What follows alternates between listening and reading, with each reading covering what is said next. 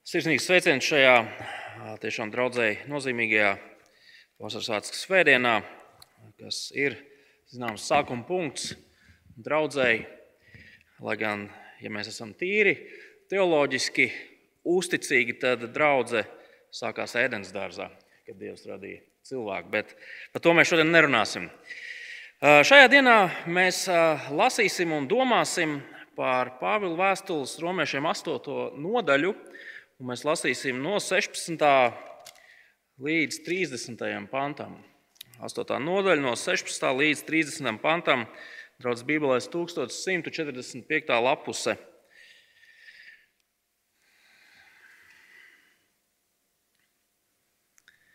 Un gars pats kopā ar mūsu garu liecina, ka mēs esam Dieva bērni. Bet, ja bērni, tad arī mantinieki. Dieva mantinieki un Kristus līdzmantinieki. Ja vien līdz ar viņu ciešām, lai līdz ar viņu nāktu godībā. Es domāju, ka šī laika ciešanas ir nenozīmīgas tās nākamās godības priekšā, kas mums tiks atklāta. Arī visa radība ilgodamās gaida, kad Dieva dēls atklāsies godībā. Jo radība ir pakļauta nīcībai nevis labprātīgi, bet pēc tās pakļāvēja gribas. Un tā ir cerība, ka tā no iznīcības verdzības tiks atbrīvota Dieva bērnu godības pilnai brīvībai. Mēs zinām, ka visa radība līdz šim laikam nopūšas un cieši radību mokas. Bet neviena viņa vien.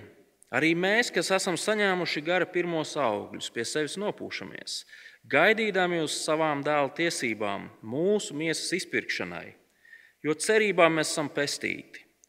Bet cerība, kas redzama, vairs nav cerība. Bet kāds vēl cer uz to, ko viņš jau redz? Bet, ja ceram uz to, ko neredzam, tad ar pacietību to gaidīt gaidām. Tā arī gars nāk palīdzīgā mūsu nespēkam, jo mēs nezinām, kas un kā mums jālūdz, bet gars pats mūs aizstāv ar bezvārdu nopūtām. Un tas, kas izpēta sirdis, zina, kas garam padomā. Tādēļ, ka gars pēc dieva prāta iestājas par svētajiem. Un mēs zinām, ka tiem, kas dievu mīl un kas pēc viņa iepriekšējā nodoma ir aicināti, viss nāk par labu. Tos, par kuriem Dievs jau iepriekš ir lēmis, tos viņš arī noteica izveidot līdzīgus savu dēlu tēlam, lai viņš būtu pirmdzimtais daudz brāļu vidū. Un par kuriem viņš jau iepriekš ir noteicis, tos viņš arī aicina. Un kurus aicina, tos arī attaisno, un kurus attaisno, tos arī pagodina. Tas ir Dieva vārds. Amen. Pirms mēs pārdomājam šo raksturvietu, vienosimies īsā lūkšanā, lai Dievs arī mums palīdz to saprast. Tāpēc Tēvs, mēs Tev pateicamies par to, ka mums ir pieejams Tavs vārds. Un šajā vārdā mēs varam uzzināt to, kāds Tu esi, ko Tu dari, ko Tu darīsi Mēs lūdzam, palīdz mums šajā pēcpusdienā pārdomājot mūsu priekšā esošos pantus, lai, lai iegūtā sapratne stiprina mūsu ticību un vairo mūsu dievbijīgo dzīvošanu. Lūdzam, Kristus vārdā. Amen. Draugi, ko jūs darītu, ja jūs pēkšņi, nezinu, bagāta Austrālijas onkuļa vai no vēl kāda mantojumā saņemtu miljonus eiro? Ļoti iespējams, ka šajā pēcpusdienā viens otrs no jums teiks, Mārtiņ, nu, kā mums miljons, lai mums tiek bronza. Uh, iespējams, ka šeit ir tādi. Es arī esmu nedaudz uztraucies, bet es centīšos. uh, man liekas, pie, pie, pie standarta atbildēm uz šo jautājumu, ko tu darītu ar miljonu eiro, pieder tik banāls lietas kā nu, māja, mašīna, ceļojumi. Varbūt kāds teiktu, es aizietu no darba, Kāds teikt, es pārceltos uz tālo puka, puka salu klusajā okeānā. Ja bērni atbildētu uz šo jautājumu, viņi iespējams teiktu, izpirktu visus LEGO un Candy Pop veikala saldumus un tā tālāk tā. Bet ko jūs darītu, ja jūs mantot kaut ko ārkārtīgi, ārkārtīgi vērtīgu, kaut ko ļoti dārgu? Pirms mēs ļaujamies tādam kārdinājumam ieslīgt fantāziju lidojumā. Es vēlos, lai mēs ielūkojamies, kā sākās šīs dienas raksturvieta. Jo šajā raksturvietā Pāvils pasaka, ka kristiešus sagaida ļoti, ļoti vērtīgs, iespaidīgs mantojums, kas patiesībā pārspēja visus teorētiskos miljonus, dārgumus, īpašumus, kurus mēs savā dzīves laikā varētu mantot. Ieskatieties vēlreiz 16. un 17. pāntā, kur Pāvils raksta, un gars pats kopā ar mūsu garu liecina, ka mēs esam Dieva bērni. Bet, ja bērni, tad arī mantinieki, Dieva mantinieki un Kristus līdzmantinieki, ja vien līdz ar viņu ciešam, lai līdz ar viņu nāktu godībā. Dieva bērni, proti, ļaudis, kurus Kristus krusts ir atpircis, kuri saņēmuši grēku piedošanu, kuri saņēmuši mieru, izlīgumu ar Dievu, viņi ir Dieva mantinieki. Kristus līdzmantnieki, kā Pāvils saka, kas kādu dienu iemantos. Un iemantos ko? Godību. Šeit pieminētā godība no konteksta ir kaut kas ļoti konkrēts. Tā ir mūžīgā dzīvība kopā ar Dievu jaunajā radībā, kurā vairs nebūs grēka, kurā vairs nebūs slimības, ļaunuma, nāves. Tā ir dzīve kopā ar Dievu absolūti labā, pilnīgā un dzīvības pārpilnā vietā. Tā ir nebeidzama, mēs varam teikt, apmierinājumu piepildīta dzīve, kurā mēs dzīvojam Dievu godam kurā mēs kalpojam patiesi no sirds ar prieku un pateicību savam kungam un valdniekam. Un jo vairāk mēs par to domājam, tā patiešām ir vieta, pēc kuras mēs visi ilgojamies. Un, un draugi, ja jūs kaut ko zinat no cilvēces vēstures un filozofijas vēstures, jūs zināsiet, ka vai katru gadsimtu cilvēki rada kaut kādu utopiju, vietu, kurā mēs visi gribētu dzīvot. Taču atšķirībā no šīm cilvēku radītajām utopijām, šīm nereālajām pasaku pasaulēm. Šī godības vieta, šis godības mantojums ir kaut kas pavisam reāls, īsts un patiesis. Taču tas, manuprāt, liek mums uzdot vienu ārkārtīgi svarīgu jautājumu. Nu, kā lai es zinu? Kā lai es zinu, ka tā nav kārtējā utopija un ka patiešām es to saņemšu? Kā lai es zinu, ka es, arī es esmu mantinieks, kuram šis viss ir priekšā? Vai ir kaut kas tāds, kas man var ļaut būt drošam par to? Pāvila mērķis 8. nodaļā ir stiprināt un drošināt kristieti. Proti, kristietis patiešām var būt drošs un pārliecināts par to, ka viņš ir Dieva cilvēks. Viņš ir Dieva cilvēks ar visu no tā izrietošo. Kristietis nekad netiks pazudināts. Kristietis nekad netiks šķirts no Dieva mīlestības. Tā iesākās un nobeidzās šī astotā, vēst, eh, astotā nodaļa Pāvila vēstulē. Un arī šīs dienas raksturietā Pāvils paskaidro to, kā mēs, kā kristieši, varam būt droši un pārliecināti par savu identitāti, līdz ar to arī par savu nākotni. Par nākotni, kas mūs visus sagaida. Šajos ievadu pantos Pāvils pasaka divas lietas kas mums var dot drošību un pārliecību. 16. pantā skatieties, gars. Gars liecina par to, ka mēs esam Dieva bērni. Tas ir Dieva gars.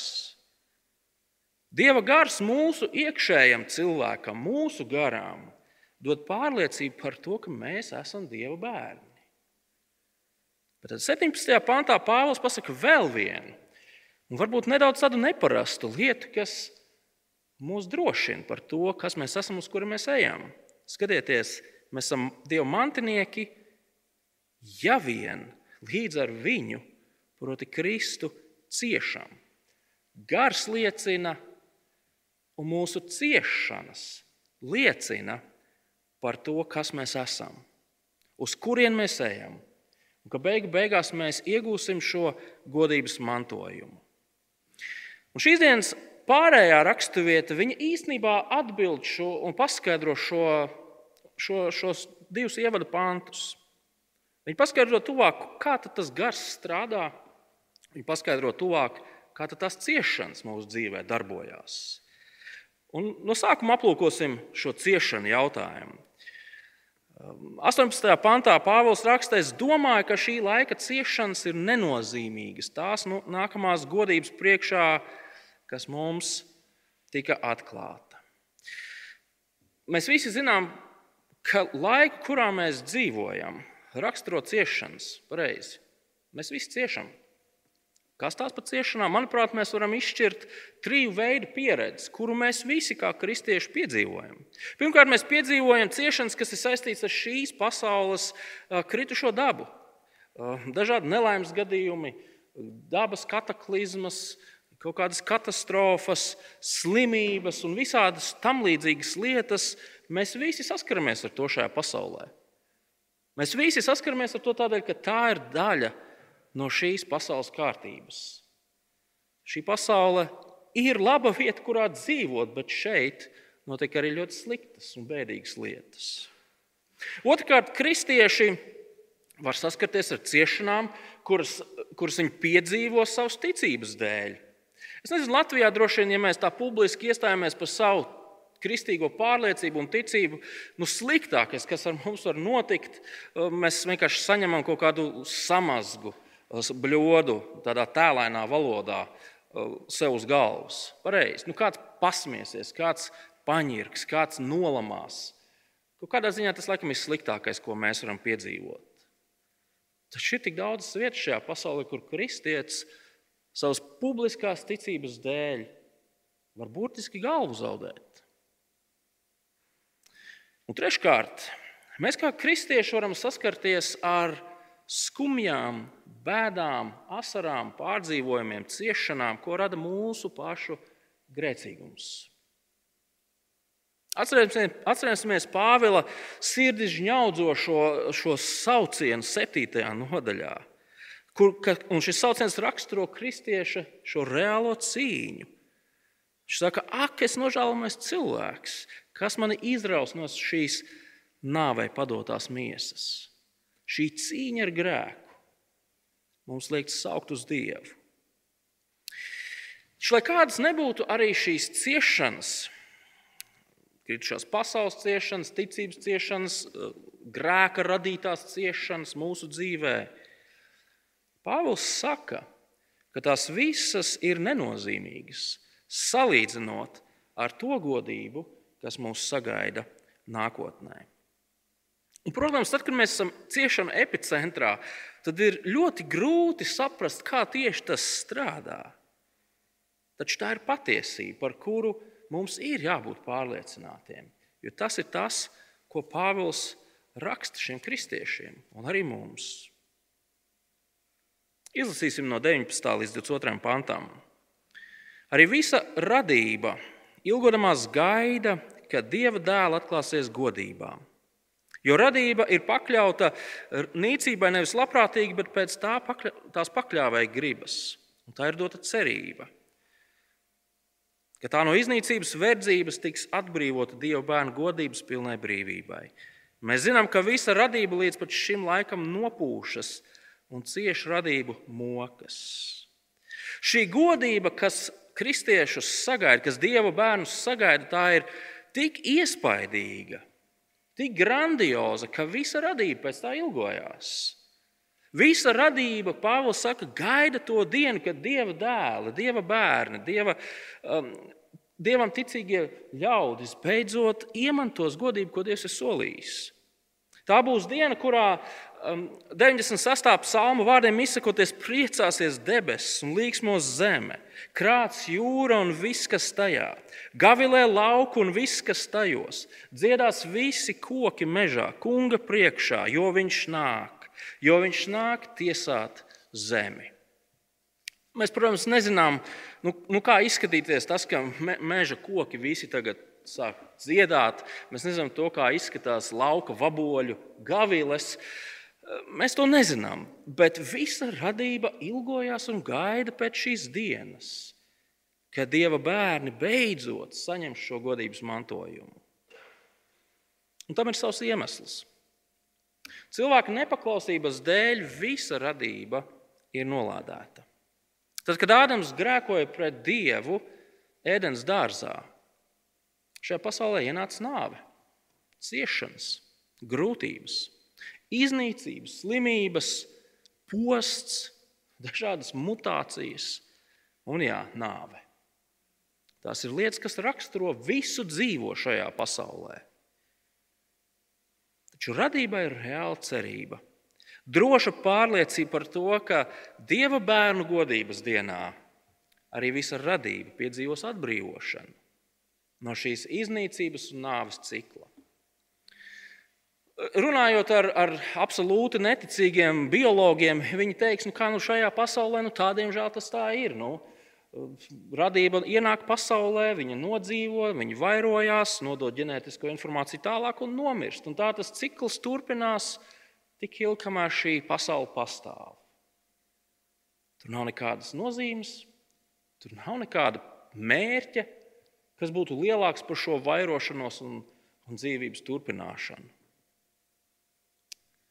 Taču saskaņā ar šīs dienas raksturietas vārdiem Cilvēces un šīs pasaules vēsture nav tāds, tāds cikls, kas visu laiku atkārtojās.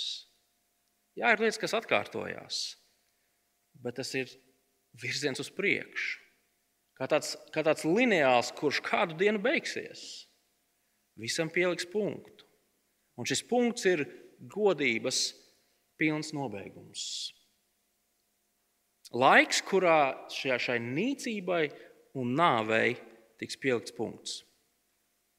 Jūs redzat, kā šie panti mums māca to, ka nākotne, kaut ko vērtīgu arī par nākotnes eksistenci. Mūsu nākotnes eksistence nebūs kaut kāda ēteriska tāda plivināšanās kaut kur, vai, vai sēdēšana uz mākoņiem ar ārfu rokā, baltās drēbēs. Nē, runa ir par reālu radību. Tā būs citādāk, tā būs, tā būs mainīta, bet joprojām tās kategorijas mums ir saprotamas. Mēs nezinām, kāda viņi izskatīsies, Mēs varam tikai spekulēt par to, bet nav jēga nodarboties ar šādām spekulācijām. Tāpēc, ka jebkas, ko mēs varam izspekulēt, nobālēs tās realitātes priekšā, kuru mēs kādu dienu visi piedzīvosim. Bet līdz tai dienai, līdz tai dienai radība nopūšas. Tā nopūšas gaidīdama, un tā cieš radību mokas. Laikam grieķu valodas vārdu, kas latviešu iztulkots nopūta, mums vajadzētu tulkot tā nedaudz tā, tā spēcīgāk. Raud, radība raud, viņa elso, viņa, viņa vaid. Un tas, manuprāt, daudz labāk saskana ar, ar šo analoģiju, ko Pāvils šeit izmanto. Visas radības ciešanas un grūtības ir kā dzemdību sāpes. Es esmu bijis trīs reizes dzemdībās, tā drošā attālumā stāvot, un, un, un mana sieva dzemdējot, nu, viņa neteica, nu, nebija tāda maza vienkārša nopūtiņa. Tas, tas, kas tur gāja vaļā, to vārdiem nevar aprakstīt, un arī nevajag šajā brīdī to darīt. Visa radība ir kā dzemdību sāpēs. Dzemdības ir smagas, tās var prasīt vairākas stundas. Kad dzemdības ir sākušās, tās nevar apturēt, tās pat īsti nevar pātrināt. Tam vienkārši jāiziet cauri. Bet tad vienā brīdī atskan ilgi gaidītais mazulīša brēciens. Un tas ir punkts mocībām. Jauna dzīvība ir atnākusi. Un tieši tā mēs esam aicināti raudzīties uz šīm radības ciešanām. Tā ir kā tāda zīme un atgādinājums tam, ka kādu dienu Dievs radīs kaut ko jaunu, kaut ko daudz, daudz, daudz labāku. Ciešanas nav patīkamas. Pareizi, neviens nekāro ciešanas. Taču šīs dienas rakstu vietas gaismā mēs redzam, ka ciešanas šajā pasaulē nav bezjēdzīgas. Tas ir kā tāds paradoksa pilns kliedziens. Zini, kādu dienu Dievs radīs jaunu pasauli. Taču radības nopūtas patiesībā ir tikai tāda analoģija tam, ko mēs paši piedzīvojam. Mūsu pašu nopūtām. Mūsu pašu nopūtām. Skatieties, kā Pāvils turpina šo teikumu no 23. panta. Bet ne viņa vien, proti, radība. Arī mēs, kas esam saņēmuši gara pirmos augļus, pie sevis nopūšamies, gaidīdami uz savu dēlu tiesībām, mūsu miesas izpirkšanai Jo cerībā mēs esam pestīti, bet cerība, kas redzama, vairs nav cerība. Vai tad kāds vēl cer uz to, ko viņš jau redz?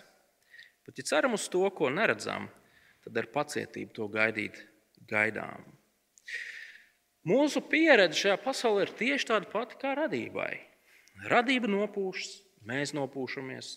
Radība ilgojas un gaida, mēs ilgojamies un gaidām. Radība vēlas būt brīva no verdzības, mēs gribam būt brīvi un beidzot izglābti. Bet kas īsti ir šīs mūsu nopūtas? Un kādā veidā šīs mūsu nopūtas gal galā apliecina to, ka mēs esam Dieva ļaudis, kuri kādu dienu iemantos godību. Un, ja tā padomā, tad visi cilvēki, kas dzīvo šīs zemes, viņi taču nopūšas. Pareizi, nav svarīgi, kādai reliģijai tu piedari. Mēs visi pūšam, mēs visi bēdāmies, mēs visi ciešanās skumstam. Kādā veidā tad kristiešu nopūtas ir tik unikālas? Ar ko tās atšķirās no citu cilvēku nopūtām? Un atbilde ir tāda, ka kristiešu nopūtas ir reālas un patiesas ilgas pēc tā, lai šī pasaule beigtos. Tas ir reāls un patiesas ilgas pēc tā, lai vienreiz šī salauztā, salauztā, ļaunā, grēcīgā pasaule beigtos, lai tai pienāktu gals. Tas ir ilgs pēc tā, lai beidzot atnāk diena, kad mūsu mirstīgais, vājais ķermenītis arī tiek mainīts, tiek pārveidots. Draugi, kristieša nopūtas nav tādi bezmērķīgi un, un, un, un, un bezjēdzīgi saucieni pretī debesīm. Nē, tās ir reāls ilgas pēc tā, lai Tēvs piepilda to, ko Viņš ir solījis, ko Viņš ir sagatavojis. Tā ir lūkšana, Dievs, lai nāk tava valstība. Viņa prāts, lai notiek kā debesīs, tā virs zemes. Tas ir sauciens, nāc, kungs, jēzu, nāc. Un es domāju, ka visi, kas mēs šajā zālē sēžam, vienā vai citā savas dzīves brīdī vai situācijā, esam saukuši šos vārdus. Mēs tik ļoti gribam, lai viss beidzās. Nāc, kungs! Nāc, kungs!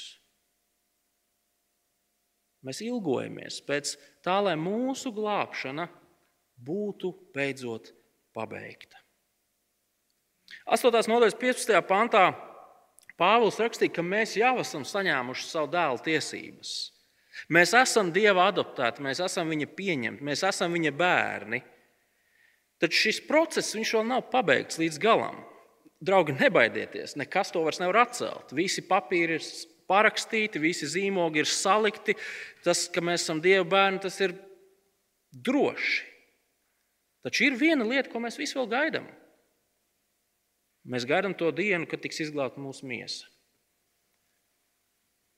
Un tā diena būs tad, kad tas pats gars, kurš augšām cēlā Kristu, augšām cels arī mūsu fiziski, reāli, lai mēs būtu kopā ar Dievu uz visiem laikiem.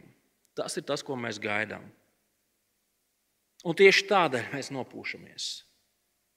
Pāvils saka, mēs nopūšamies gaidīdami uz savu dēlu tiesībām, mūsu miesas izpirkšanai mūsu miesas glābšanai. Mūsu miesa vēl ir mirstīga, tā ir vāja, bet kādu dienu tā tiks augšām celta. Kādu dienu mēs reāli fiziski būsim kopā ar savu debesu tēvu, kurš mūs ir adoptējis caur Kristu. 24. un 25. pantā Pāvils runā lietojot šo cerības valodu. Bībelē cerība apzīmē nākotnes faktu. Kaut ko tādu, kas nav vēl noticis laikā, bet kas jau ir noticis. Nu, Gan drīz vai noticis, kas noteikti notiks. Mēs savā cerībās, mēs, es atvainojos, savā ciešanās mēs nopūšamies. Un mēs ilgojamies pēc tās dienas, kad beidzot tās mūsu cerības piepildīsies. Kad beidzot mūsu reālā adopcija pārtaps par tikpat lielu un reālu fizisku klātbūtni Dieva radībā. Mēs nopūšamies, jo mēs ilgojamies pēc tās jaunās pasaules, pēc jaunās radības. Un kādu dienu šīs mūsu cerības, kas ir drošas, viņas piepildīsies, tā kļūs par realitāti, kuru mēs piedzīvosim. Draugi, te ir vēl viena svarīga detaļa. Proti, tikai kristietis var ilgoties pēc šādas realitātes. Cilvēks, kurš Bībeles dievam netic, viņš vēlas utopiju, bet viņš nevēlas dzīvot pasaulē, kurā viss notiek dieva godam. Viņš vēlas labu dzīvi, bet viņš nevēlas dzīvot pasaulē, kur viņš ar prieku kalpo savam radītājam un savam valdniekam. Un tādēļ šādi nopūsties var tikai un vienīgi kristietis. Un Pāvils to izsaka 23. pantā. Arī mēs, kas esam saņēmuši, saņēmuši ko gara pirmos augļus, pie sevis nopūšamies. Mēs ilgojamies pēc jaunās radības, Dieva valstības, jo mūsos ir Dieva gars. Gara pirmie augļi ir tas, tas fakts, ka mūsos dzīvo Dieva gars. Un gars liecina par to, ka mēs esam Dieva dēli. Un tas notiek tajā brīdī, kad mēs ilgojamies pēc tās dienas, kad mēs būsim kopā ar savu tēvu godībā. Viņš ir tas, Dieva gars ir tas, kurš mums liek saukt, cik ilgi vēl kungs. Ak, kā es gribu būt mājās, ak, kā es gribu būt jaunajā pasaulē. Šo pantu mērķis um, nav panākt to, ka mēs tagad sākam vairāk pūst un elst. Tas, tas būtu nepareizi šo pantu pielietojums. Un tāpat Pāvils nekrat ar pirkstu mums un nesaka, nu, vai tu šajā nedēļā esi pūtis jau, tu esi nopūties. Cik reizes un cik bieži? No sirds? Tas nav tas, ko Pāvils grib panākt šajā raksturvietā. Un Pāvils nemāca arī to, ka mums tagad jāsāk nicināt šī pasaule salauzta, kritusi, sabrukusi, nu tad nospļausimies un neliksimies par to nezinas. Arī tas nav tas, ko Pāvils šeit māca. Lai šie panti šajā brīdī mums māca ar pateicību un pārliecību priecāties. Ka arī atrodoties ciešanās un grūtībās, dažādi veidi, kā mēs jau par to runājām, mēs varam zināt to, kas mēs esam un uz kuriem mēs ejam. Atrodoties ciešanās, mēs varam būt droši par to, ka esam Dieva bērni, kuriem būs godības pilns mantojums. Šīs dienas raksturvieta mums palīdz saprast savu, savu pieredzi, to, ko mēs piedzīvojam šajā pasaulē. Tu esi ieraudzis sīvā cīņā ar grēku. Tu ilgoties, lai, ilgojies, lai šī cīņa beidzot beigtos. Pāvils saka, esi drošs. Jo nāk diena, kad šī tava cīņa beigsies. Vai jūs nomācat nezinu, dažādas cīņas ar, ar šīs pasaules izaicinājumiem, ar nomāktību, ieslēdz ziņas un sabojā sev omu? Pāvils saka, esi drošs, nāk diena, kad tu tiksi izglābts no šīs pasaules. Tu tiksi atbrīvots no visa tā, kas ir mirstīgs, grēcīgs un ļauns. Vai tu piedzīvo to, ka citi tevi apsmē par to, ka tu esi kristietis?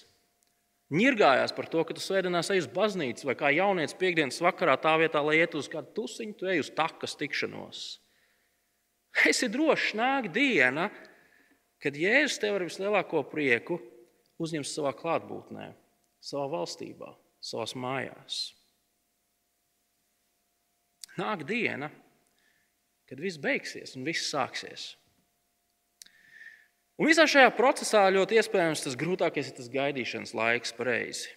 Un tieši tādēļ Pāvils saka, 25. pantā, mēs ar pacietību gaidīt gaidām.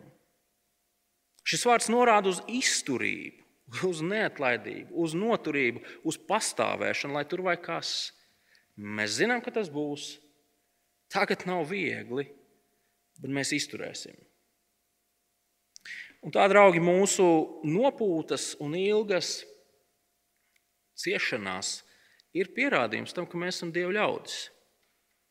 Pierādījums, ka mēs mantosim godību.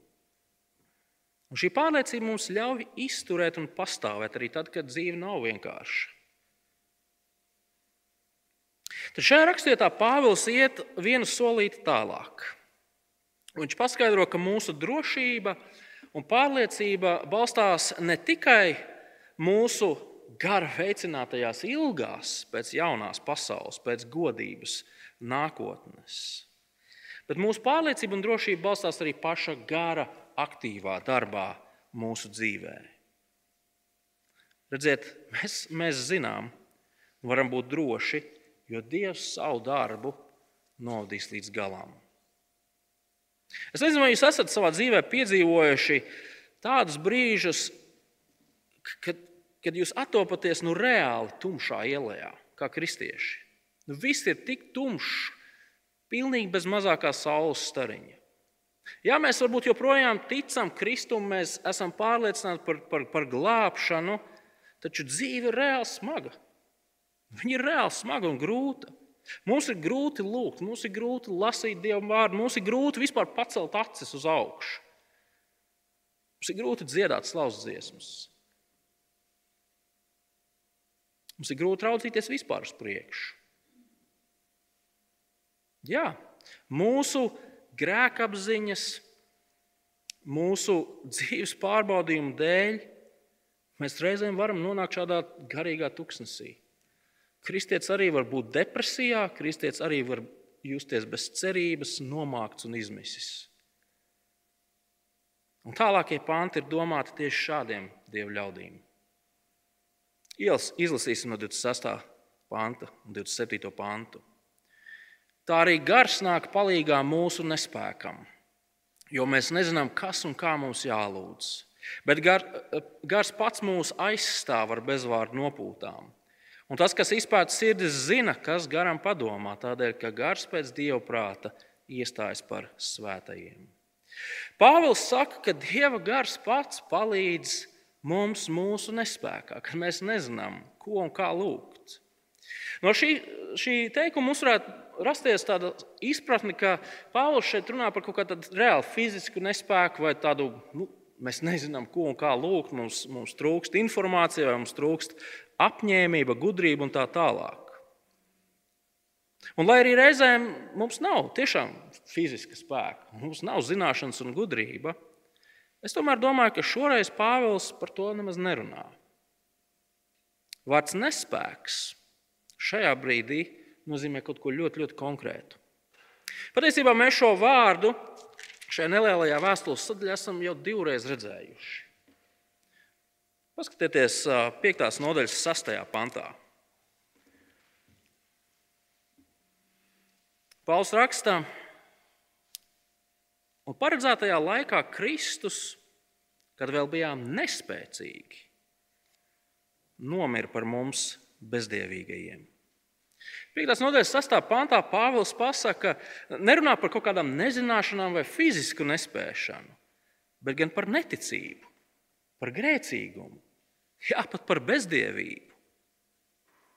Tad ieskatieties 8. nodaļas 3. pantā. Pāvils raksta, tā kā bauslība miesas dēļ bija nespēcīga, un to nespēja Dievu, Dievs grēka dēļ ir sūtījis savu dēlu. Mūsu dabiskā miesa ir vāja un nespēja. Tā nespēja pildīt dievu baušļus pati par sevi. Mūsu vājums ir tas, kas mūs saista ar šo nīcīgo pasauli. Mūsu vājums ir šī nāvei padotā miesa, par ko Pāvils sauc 7. nodaļas beigās. Ko mēs no tā varam izsacināt? Mēs varam izsacināt sekojošo. Arī tad, kad mēs kā kristieši klūpam, krītam, savā nespējā maldāmies, grēkojam, Dieva gars joprojām ir mūsu pusē. Viņš iestājas par mums, Viņš lūdz par mums. Viņu neaptur mūsu vecās dabas atliekas mūsos. Viņu neaptur mūsu vecās dabas vājums un nespēja. Dieva gars dara savu darbu pie mums arī tad, kad mēs to negribam un nevaram. Turklāt, vai jūs pamanījāt, kā Pāvils mūs nosauc? Skatieties, 27. panta beigās. Gars pēc dieva prāta iestājas par svētajiem. Te pavisam noteikti ir skaidrs, ka vārds svēts nenozīmē bezvainīgs, morāli pilnīgs, šķīsts cilvēks. Nē, svēts šeit nozīmē dieva cilvēks. tas, kurš pieder Dievam, Dieva bērns. Draugi, es nezinu, vai jūs redzat, bet šie panti ir ārkārtīgi iedrošinoši panti. Mēs varam piedzīvot garīgu tumsu, garīgu nakti, cīņas spēku izsīkumu, mēs varam piedzīvot sakāvu pēc sakāves. Mēs varam piedzīvot to, kā vecā darba, daba uzdarbojas mūsos. Bet pat tad ir kāds, kurš par mums iestājas, kurš ir mūsu pusē. Gars mums nezināmā un nesaprotamā veidā par mums lūdz Dievu. Frāze tas, kurš izpēta sirdis, ir veids, kā vecajā darbā tika apzīmēts um, Dievs. Dievs, kurš zina cilvēku sirdis, kurš tiesā cilvēkus. Pāvils saka, ka Dievs zina to, kas garam padomā. Tāpēc, ka gars pret kristiešiem iestājas pēc Dieva prāta. Bet šeit ir tāds neliels kalambūrs. Un es ceru, ka mēs nesasiesim savus prātus, mēģinot to līdz galam saprast. Šis gars ir pats Dievs. Dievs iestājas Dievu priekšā par mums. Dievs zina, par ko Dievs iestājas par mums, un Dievs uzklausa to, ko Dievs saka, iestājoties par mums un īsteno to, kas viņam padomā. Sarežģīts teikums, bet nepaliksim pie tā pārāk ilgi. Šie panti runā par reālu drošību. Pats Dievs gādā par to, lai Viņš varētu īstenot līdz galam to, ko Viņš ir paredzējis mūsu dzīvē. Gars ir līdzās, gars palīdz, gars par mums iestājas. Arī tad, kad mēs paši nespējam iet uz priekšu. Un tad sako šīs raksturvietas kulminācija. Skatieties, kā sākas 28. pāns, un mēs zinām. Pāris pāns iepriekš mēs lasījām, ka savu, savu grēcīgumu un ciešanu dēļ mūsu dzīvē var būt situācija, kad mēs nezinām. Mēs nezinām, kā iet uz priekšu, kur rast spēku. Un vispār mūsu dzīve ir pilna ar nezināmām lietām, pareizi. Taču ir viena lieta, ko mēs zinām. Ir viena lieta, par kuru mēs varam būt pārliecināti, ir viena lieta, par ko mēs varam būt droši un nešaubīties, un kas ir šī viena lieta. Mēs varam zināt, ka Dievs mūs aizvedīs līdz galam. Dievs mūs aizvedīs līdz godības mantojumam. Skatieties, kā Pāvils to pasaka šajos pantos. No 28. līdz 30. mēs zinām, ka tiem, kas Dievu mīl un kas pēc viņa iepriekšējā nodoma ir aicināti, viss nāk par labu Tas, par kuriem Dievs jau iepriekš ir lēmis, tos viņš arī noteica izveidot līdzīgākus savu dēlu tēlam, lai viņš būtu pirmdzimtais daudz brāļu starpā. Un par kuriem viņš jau iepriekš ir noteicis, tos viņš arī aicina. Un kurus aicina, tos arī attaisno. Un kurus attaisno, redzat, tos arī pagodina. Reizēm teologi saka, ka nu, reformātu teologi saka, nu šeit, nu šeit, šajos pantos ir visu kalvinistu zelta vārdi. Mums tik ļoti patīk šie vārdi, kas, kas apraksta Dieva suverēno darbu no sākuma līdz beigām. Lai gan tā arī ir šeit patiesība, vai ne? Šie panti patiesībā nerunā par kalvinismu un, un kaut kādām tādām lietām. Pāvils šeit pavisam cits un ļoti vienkāršs. Jo no konteksta mēs redzam, ka šie panti ļoti skaidrā veidā pasaka ļoti brīnišķīgu patiesību. Dievs savu darbu novadīs līdz galam.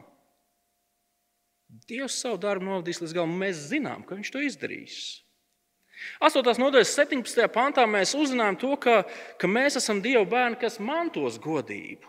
Un tagad, nonākot līdz nodaļas beigām, mēs zinām, ka pats Dievs gādās par to, lai mēs mantotu godību, lai mēs tiktu pagodināti. 29. pāns grieķu valodā skan nedaudz, um, nedaudz labāk, kā varbūt šeit ir iztulkots. Proti, um, tos, kurus Dievs iepriekš zināja, jeb iepriekš pazina. Te ir runa par personisku mīlestību, mēs pat varētu teikt. Ciešu draudzību, tā kā starp vīru un sievu, tā kā starp vislabākajiem draugiem. Tos, kurus Dievs šādi pirms, pirms laika sākuma pazina, jeb mīlēja. Tos viņš izredzēja darīt līdzīgus savu dēlu tēlam. Un, draugi, te nav runa par to, ka mēs kļūsim dievišķi kā jēzus. Par to nav runa. Jo atkal konteksts, ko mums māca? Konteksts runā par to, ka Jēzus ir pirmais starp augšām celtajiem. Viņš ir tas, kuram mēs būsim līdzīgi. Šajā ziņā mēs būsim reāli dzīvi. To godību, kas, ko saņēma viņš, saņemsim arī mēs. Un tos, kurus Dievs ir izredzējis, tos viņš arī aicina. Uh,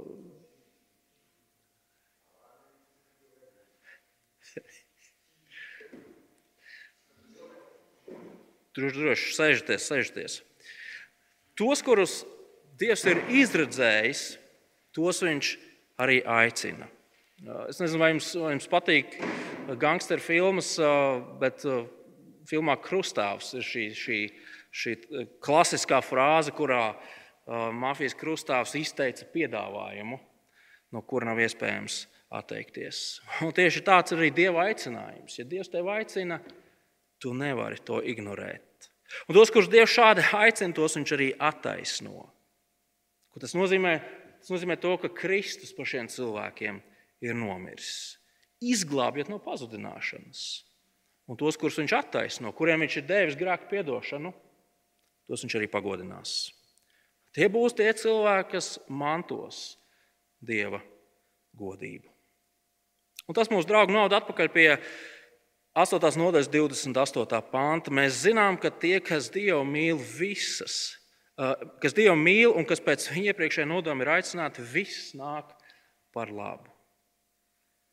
Kas ir tie cilvēki, kas mīl Dievu? Tie ir cilvēki, kuros mājo Dieva gars. Tie ir cilvēki, kuri ir Dieva mīlēti, Dievu aicināti, Dievu attaisnoti. Tie ir cilvēki, kurus saņem šo mantojumu. Un par šiem cilvēkiem Pāvils saka, mēs varam zināt, ka pilnīgi viss, kas mūsu dzīvē notiks, notiks uz labu. Ir svarīgi, ka mēs to pareizi saprotam. Pāvils šeit nerunā par to, ka šie cilvēki nepiedzīvos cīņu ar grēku. Pāvils nerunā par to, ka šie cilvēki nepiedzīvos slimību, kas var tevi mocīt gadiem ilgi, līdz beigās tu nomirsti. Pāvils nerunā par to, ka mēs nepiedzīvosim šausmas šajā pasaulē. Nē, tas to nenozīmē. Visa nākšana par labu runā par lielo bildi, par gala mērķi, par to, kas kristieši beig beigās sagaida. Lai kādas arī nebūtu šī laika ciešanas, cīņas, grūtības, godība ir garantēta. Kāpēc? Tāpēc, ka pats Dievs to dara. Pats Dievs to dara. Viņš to īsteno. Piekritīsiet, ka reizēm ciešana un grūtība jautājums ir kaut kas tāds, pret ko kristieši atsitās. Viņi paklūp. Um, ciešanas ir nopietna lieta, un mums nevajag tam pieiet tā, tā kā Holivudas filmās. Nu, mūsdienās gan Holivudas filmas vairs vispār neviens laikam neskatās, viņas ir bezjēdzīgas. Bet Holivudas filmās labais uzvar, viss beidzās labi. Nē, pret ciešanām mums jāizturas nopietni.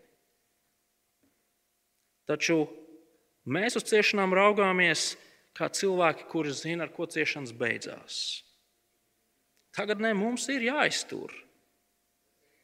Tie, kas māca, ka, tie, kas māca, ka kristiešus pasargās no slimībām, no grūtībām, jo tāds ir Dieva nodoms, es nezinu, kuru bībeli šie cilvēki lasa. Un, prāt, šāda viltus apsolījuma dzīve padara daudz grūtāk, tādēļ, ka mēs zinām, kāda tā ir realitāte.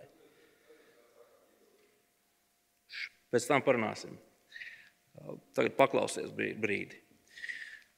Un mēs, mēs piedzīvojam vilšanos, un ciešanas vairojās.